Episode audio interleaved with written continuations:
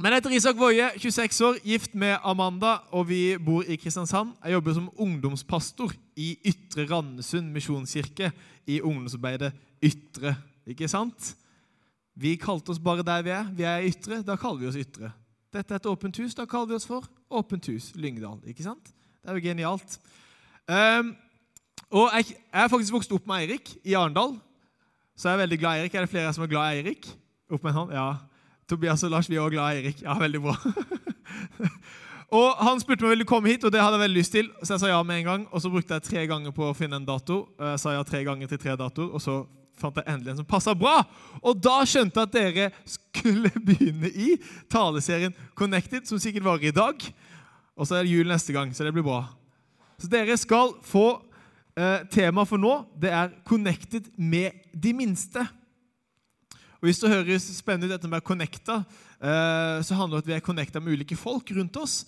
Eh, og de andre talene i den serien handler om å være connecta med kjæresten sin og med vennene sine. Så sier til Eirik at det hørtes spennende ut hvis du hører de, og nå skal du høre det å være connecta med de minste.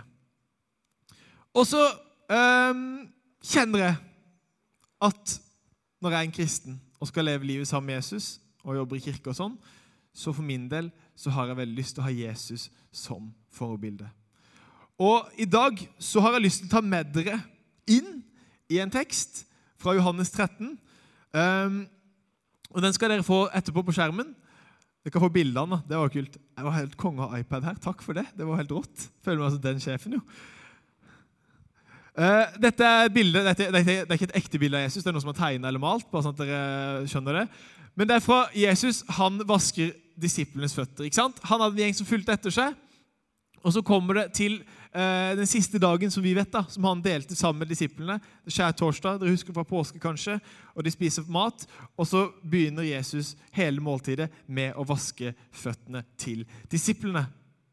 Disiplene visste ikke hvilken betydning dette hadde. De visste ikke hvilken kveld dette var. Dette var Jesus sin siste kveld før han dagen etterpå skulle bli arrestert og korsfesta. Ikke sant? Så det er en ganske, en ganske heftig kveld. Og Jeg har lyst til å lese den teksten, at vi skal lese den sammen. Og så har jeg lyst til å gjøre to ting i dag. Jeg har lyst til å gjøre to ting med dere. Kan det være med å si to ting? To ting.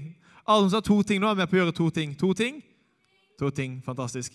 Vi skal lære litt om hvordan vi kan være connecta med de minste. Og det temaet handler om å være liksom påkobla og få med seg de rundt seg som kanskje ikke har det så lett, og kanskje er litt på sida, og som kanskje blir sett på som litt de minste i samfunnet, litt lenger nede. Vi skal se på hvordan vi kan få øynene opp for de rundt oss som kan trenge vår hjelp. Det er nummer én. Og nummer to så har jeg lyst til at vi skal lære oss litt Vi skal lære oss tre spørsmål som vi kan bruke for å forstå en tekst vi leser, bedre. Ikke sant? Vi er på to nivåer her. Skjønner du greia? Ja, du skjønte fantastisk. Takk. Var det flere som skjønte det? Ja, du sa, Det var samme som sa igjen, tror jeg. Ja, du har skjønt dobbelt. Fy søren, dere lurer meg hele gjengen. Det har mine ungdommer skjønt, at hvis de bare nikker og sier ja, så går jeg videre. og så er jeg ferdig, slipper liksom å holde på mer. Men vi skal se på hvordan vi kan være connecta med de minste rundt oss, og vi skal se på hvordan vi kan forstå en tekst i Bibelen litt bedre. For av og til når jeg leser Bibelen, så kan jeg lese og tenke sånn OK! Hæ? Hva var det her for noe? Og så må jeg bruke litt tid på å dykke ned i det, og så kanskje gi litt mening etter hvert. Men jeg må jobbe av og til veldig mye for å skjønne en tekst. Og de tre spørsmålene vi skal se på, det er hva sier teksten om Jesus? Hva skjer i teksten? Og hva kan vi lære? Hva sier teksten om Jesus? Hva skjer i teksten, og hva kan vi lære? Og Vi skal lese fra Johannes 13, kapittel, kapittel 13, ja, vers 1-17, der Jesus vasker Jesus sine disipler. Nei, de sine disipler, disipler sine føtter. sa at Jesus vasker Jesus sine disipler? Ja, jeg sa det. Det var noen som krangla der. Der Jesus vasker disiplene sine føtter. Første spørsmål. Hva sier teksten om Jesus? Og Vi leser fra begynnelsen av teksten. Det var like før påskehøytiden, og Jesus visste at hans time var kommet da han skulle gå bort fra denne verden og til sin far. Han hadde elsket sine egne som var i verden, og han elsket dem helt til de siste. Og Så hopper vi over ett vers, og så går vi til neste. Jesus visste at far hadde gitt ham alt i hans hånd, og at han var utgått fra Gud og gikk til Gud. Hva sier teksten om Jesus? Jeg har jo gjort det gult for dere. Det er jo kjempelett. Det står jo gult for dere. Men ikke sant? hvilken kveld er det? Vi er på siste kvelden til Jesus. Han har det siste måltidet med disiplene sine. De har gått sammen i tre år, og nå er tida kommet der Jesus liksom, han, han, har helt visst hvor livet hans er på vei. Han vet at livet hans er på vei til korset. Og vi vet jo det når vi leser Bibelen, at Jesus døde på korset. Men disiplene de visste ikke at Jesus skulle dø på korset. Jesus hadde hinta litt til det, men de, de hadde ikke helt skjønt det. Og Jesus visste akkurat hvor han var på vei. Jesus visste at hans time var kommet. Og da ser jeg for meg, sånn som det er i alle filmer, at måtte du har en helt. I dag, før jeg reiste hit, så så jeg på filmen 'Troll'. Har du sett den på Netflix? Ikke se den. Jeg sovna. Den var helt middels. Men det handler om at noen skal lage en tunnel gjennom Dovrefjellet, og så lage en stor eksplosjon, og så vekker du opp et troll som kommer og raserer hele Norge. Og så er det én dame da, som liksom skal ta og stoppe dette trollet, for faren hennes tror på troll. og litt sånn, Det er sånn dramatisk. Og så er det som en scene der på en måte, der hun liksom har kommet til dette øyeblikket av filmen leder opp til. Hun har prøvd og prøvd å stoppe trollet, og nå er hun der og skal stoppe trollet. ikke sant? Du kjenner den scenen. ikke sant? Når i High School Musical og Troy Gabrielle skal synge den sangen, ikke sant? Når liksom siste spilleren skal ta straffespark Markinus skal ta straffespark for Brasil. ikke sant? Timen er kommet, nå er vi her. Nå kan du bli helt, eller du kan feile. Jesus visste at den timen hans var kommet. Han visste hvor han var på vei. Han visste at han skulle dø på et kors, og han visste hva det skulle ende med. Gud har gitt ham et oppdrag. Jesus visste at far hadde gitt alt i hans hånd. At han, kommet, han var utgått fra Gud og gikk til Gud. Jesus hadde et oppdrag, og det var å dø på et kors for at vi kunne tro på han og bli frelst og komme til Gud, til vår far. Og Det visste Jesus hele tida. Han visste også at nå var hans time kommet. Det er nummer én. Og så visste vi er det én ting til som står her. Og det er at Jesus han elska sine egne helt til det siste. Og den forsamlinga Jesus hadde rundt seg, ikke sant?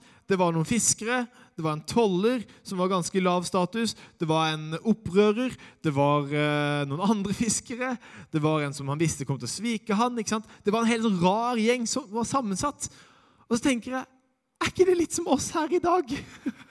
Er ikke vi en disippelflokk som er litt sånn Vi kommer litt herfra og derfra. og Vi er tre stykker som kommer fra, fire stykker som kommer fra Kristiansand, fra østsida av Kristiansand, bare for å være her ikke sant, en kveld. Og så ser Jesus på oss. Og så elsker han oss. Og Han elsker oss hele veien, helt til vårt siste, og han elsker, elsker oss helt til hans siste. Og Dette kan vi lære om Jesus. Han hadde fått et oppdrag, og han gikk for det. Han visste hvor livet hans var på vei, og likevel så gikk han den veien. Og han var fylt av kjærlighet for de menneskene rundt seg. Og det kan vi lære at av Jesus. Han døde på korset for oss. Han kom til jorda og døde på korset for oss. Og han elsker oss fullt og helt og hele veien. Hva sier teksten om Jesus? Han har et oppdrag, han har tenkt å fullføre, og han elsker de rundt seg. Spørsmål nummer to. Henger dere med? Ja, takk. Var det samme som sa ja igjen? Du har skjønt trikset. Hva skjer i teksten? Nei, det var feil. Unnskyld. Der. Der. Der. Jeg kutta den fingeren en gang på en sag. Og etter det, det her, er, det her er null tull. Dette er helt sant. Jeg kutta den på en sag en gang. Sånn kapp i æsja, sånn, sånn. Så kutta jeg nesten av fingeren. Og etter det så funker ikke fingeren på noen touch. Det er helt rart. Jeg må ta den på sida sånn for at det skal funke. Der funker aldri. Det var det som skjedde nå. Hva skjer i teksten? Da reiser han seg fra måltidet, legger av seg kappen, tar et linklede og binder det om seg. Så heller han vann i et fat og begynner å vaske disiplenes føtter og tørke dem med linkledet han hadde rundt livet. Det var ganske vanlig på denne tida her at folk ble skitne på føttene. De hadde ikke asfalt. Det var varmt, så de gikk med sandaler. ikke sant? Det var grus og sand og støv. Gå en sommer på Birkenstocks, så skjønner du hva som skjer. ikke sant? Du blir skitten på føttene. Så det var vanlig når man kom inn og skulle spise, at man vaska føttene til de som var der. Og det var en tjeners oppgave. Det var en tjener som skulle gjøre det her. ikke sant? Det var en av de som var lavest på rangstigen, som skulle vaske føttene på gjestene og på de som var der. Og Jesus på dette tidspunktet her, så er han ganske anerkjent av disiplene. ikke sant? Jesus har en ganske høy stjerne blant disiplene sine. Disiplene har sett på han som en mester, en lærer, en rabbi. og Det var ganske stort på den tida. Og de hadde også valgt å forlate alt av jobb og kone og familie for å følge Jesus. Så Jesus han var høyt oppe. Og så står det i teksten at han reiser for måltidet, og så begynner han å vaske disiplenes føtter. Og hva skjer? Jo, det som skjer Helt sånn praktisk så er det som skjer, at Jesus vasker føttene føttenes disiplenes føtter. Men så er det noe annet som skjer. ikke sant? Den handlingen er symbolsk. Jesus, som er som sjefen i gjengen, han stiller seg på nederst på rangstigen. Han klatrer ned for å betjene disiplene, for å være god mot disiplene og gjøre en tjeners arbeid. Det velger Jesus å gjøre. Og tenk så, tenk så, opp ned. Han snur på hele verden. For de, var vant til at det var liksom, du var på det nivået, eller på det nivået, eller på det nivået. ikke sant? Og så er det fra det høyeste nivået som går ned på det laveste nivået. Hele, liksom bare Hele hodet deres bare eksploderer. For han ene disippelen bare 'Nei, nei, Jesus, hva er det du holder på med? Du kan ikke gjøre det.' Så sier Jesus at jo, jeg må gjøre det. Jeg må vaske føttene deres. Og det er den dypere meninga her, da det er at Jesus snur opp ned på rekkefølgen. At han går fra, fra toppen til å betjene de rundt seg, som er også litt av poenget mitt med dette, med disse mine minste. For hva kan vi lære av teksten? Da skal vi lese de siste versene av den historien. Da han hadde vasket føttene deres og tatt på seg kappen, tok han plass ved bordet igjen. Så sa han til dere, Forstår dere hva jeg har gjort for dere? Dere kaller meg mester og herre, og dere gjør det med rette, for jeg er det. Når jeg som er Herren og Mesteren har vasket deres føtter, da skylder dere å vaske hverandres føtter. Jeg har gitt dere et forbilde, slik jeg har gjort mot dere, skal dere også gjøre. Sannelig, sannelig, jeg sier dere, tjeneren er ikke større enn Herren sin, og utsendingen er ikke større enn Han som har sendt ham. Nå vet dere dette, og salig er det så sant dere også gjør det. Disiplene så på Jesus som herre og mester. Hva vil det si at Jesus var herre og mester? Det vil si at hadde, Jesus hadde autoritet, og de trodde på han, og de stolte på han. Han var deres herre. ikke sant? Det han sa, det gjorde de. Og så var han mesteren deres. De gikk i lære hos han, og han lærte de opp. Og Jesus han er ikke sånn type som måte, han vår, også, kan også være vår herre og mester. Vi kan følge han, og han kan lære oss. Og så gjør han ikke det på avstand. Han gjør ikke det sånn sånn her borte for, altså, Hvis du bare gjør det der borte, sant, så peker han og sånn. Men Jesus han går tett på. På høsten så liker jeg å være med på, på jakt oppe på Vegårshei hos eh, familien min. Og Der er det eh, et sånt jaktlag som familien min er med i. Og I skogen der så har alt i skogen har et navn. ikke sant? noen, eller har ikke et navn, men alle vet hvor i skogen man er til enhver tid. Og det vet ikke jeg. Jeg har ikke peiling. Jeg har ikke vært der så mye. Og så er det sånn du skal på jakt, du sitter rundt bålet, og sånn, og så ja, ok, skal vi begynne? Yes, Da trekker vi poster. Hvor skal folk sitte hen for å sitte og skyte elgen når den kommer? Yes, Så trekker vi sånn lapper, og så er sånn ok, nummer én, kan du komme fram? Så kommer han med lapp nummer én fram, ikke sant? Og så skal han få vite hvor han skal sitte. Og så får han beskjed om at Du skal sitte under bjørka borte Kjetil Åge skjøt den elgen i fjor. Ja, ja, greit det. Tommel opp, sier han. ikke sant? Og så kommer nummer to. Ja, uh, I svingen bortenfor bjørka. Ja, ja, topp, tommel opp. Yes. Så kommer nummer tre. Ja, Der er det så mye blåbær i fjor. ikke sant? Og så Hver gang det er et sted, så er det bare sånne lokale ting som, ting som har skjedd. ikke sant? Der er det mye tyttebær på toppen, i svingen, mellom toppen av svingen. ikke sant? Det er jo ikke sjans å skjønne hvor man skal hen. Og av og til kan jeg tenke sånn hvor skal, Hva skal jeg gjøre? Så, og så kan jeg tenke, er det sånn det er med Jesus? Og det beste som skjer for min del, det er når en av de mer erfarne sier, 'Isak, du skjønner ikke hvor du skal hen. Jeg kan vise deg vei.' Og så tar de meg i armen og så følger de meg dit jeg skal. Og så sier du, 'Her sitter du, der sitter han, og der sitter han.' Og elgen kommer derfra, så der skal du skyte den. ikke sant? Og så skal du holde på sånn. Og så er de noen av de bruker samme måte som Jesus, at de går tett. De går tett på oss. Og så lærer de oss veien vi skal gå. Jesus sitter ikke på avstand og peker, men han går tett med oss og viser oss den veien vi skal gå, og hjelper oss. Og disiplene hadde Jesus som herre og mester. Jeg tror vi også har godt av Jesus som herre og mester. At hans ord er viktig for oss, og det han lærer oss, det vil vi lære. Og så sier Jesus også inni her at 'jeg har gitt dere et forbilde'. Slik jeg har gjort mot dere, skal dere også gjøre. Det tenker jeg at vi kan lære fra den teksten.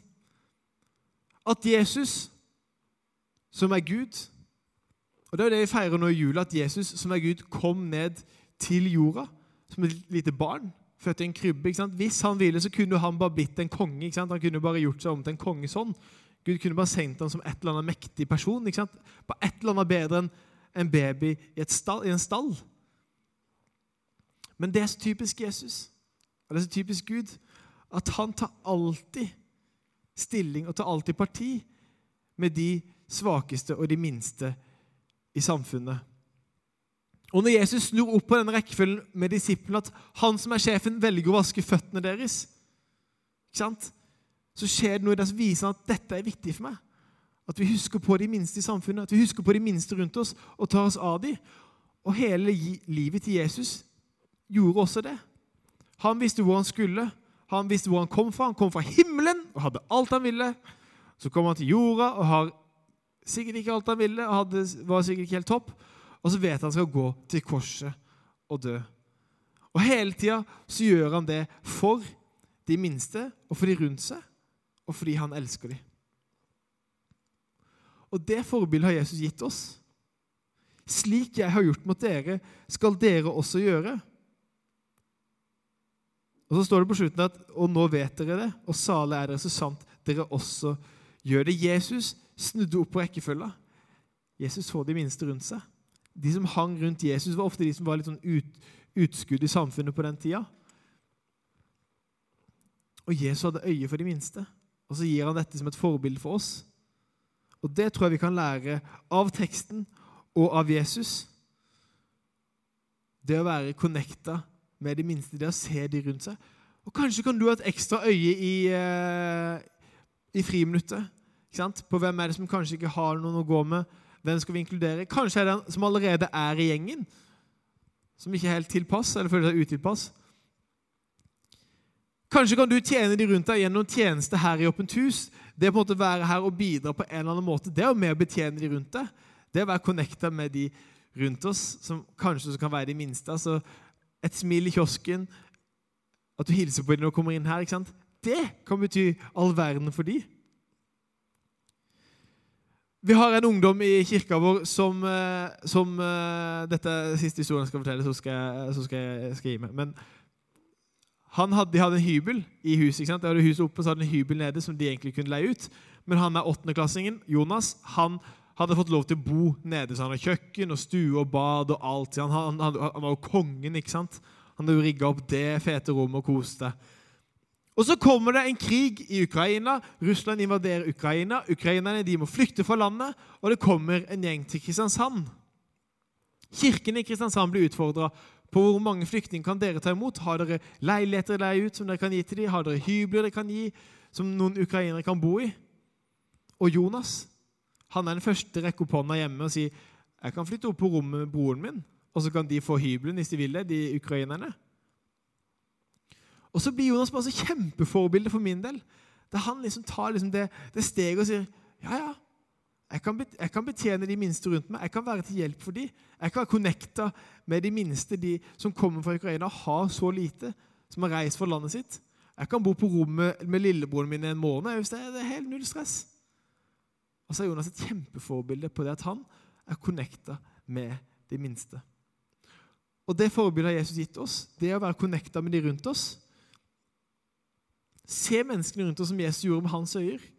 Han elsker de til de siste. Kan vi prøve å være glad i de rundt oss? Og kan vi prøve å hjelpe de helt praktisk og betjene de, sånn som Jesus gjorde? Og så vet vi også at når jeg og når du føler deg som den minste i verden, når vi føler oss som de minste, så er Jesus connecta med oss også.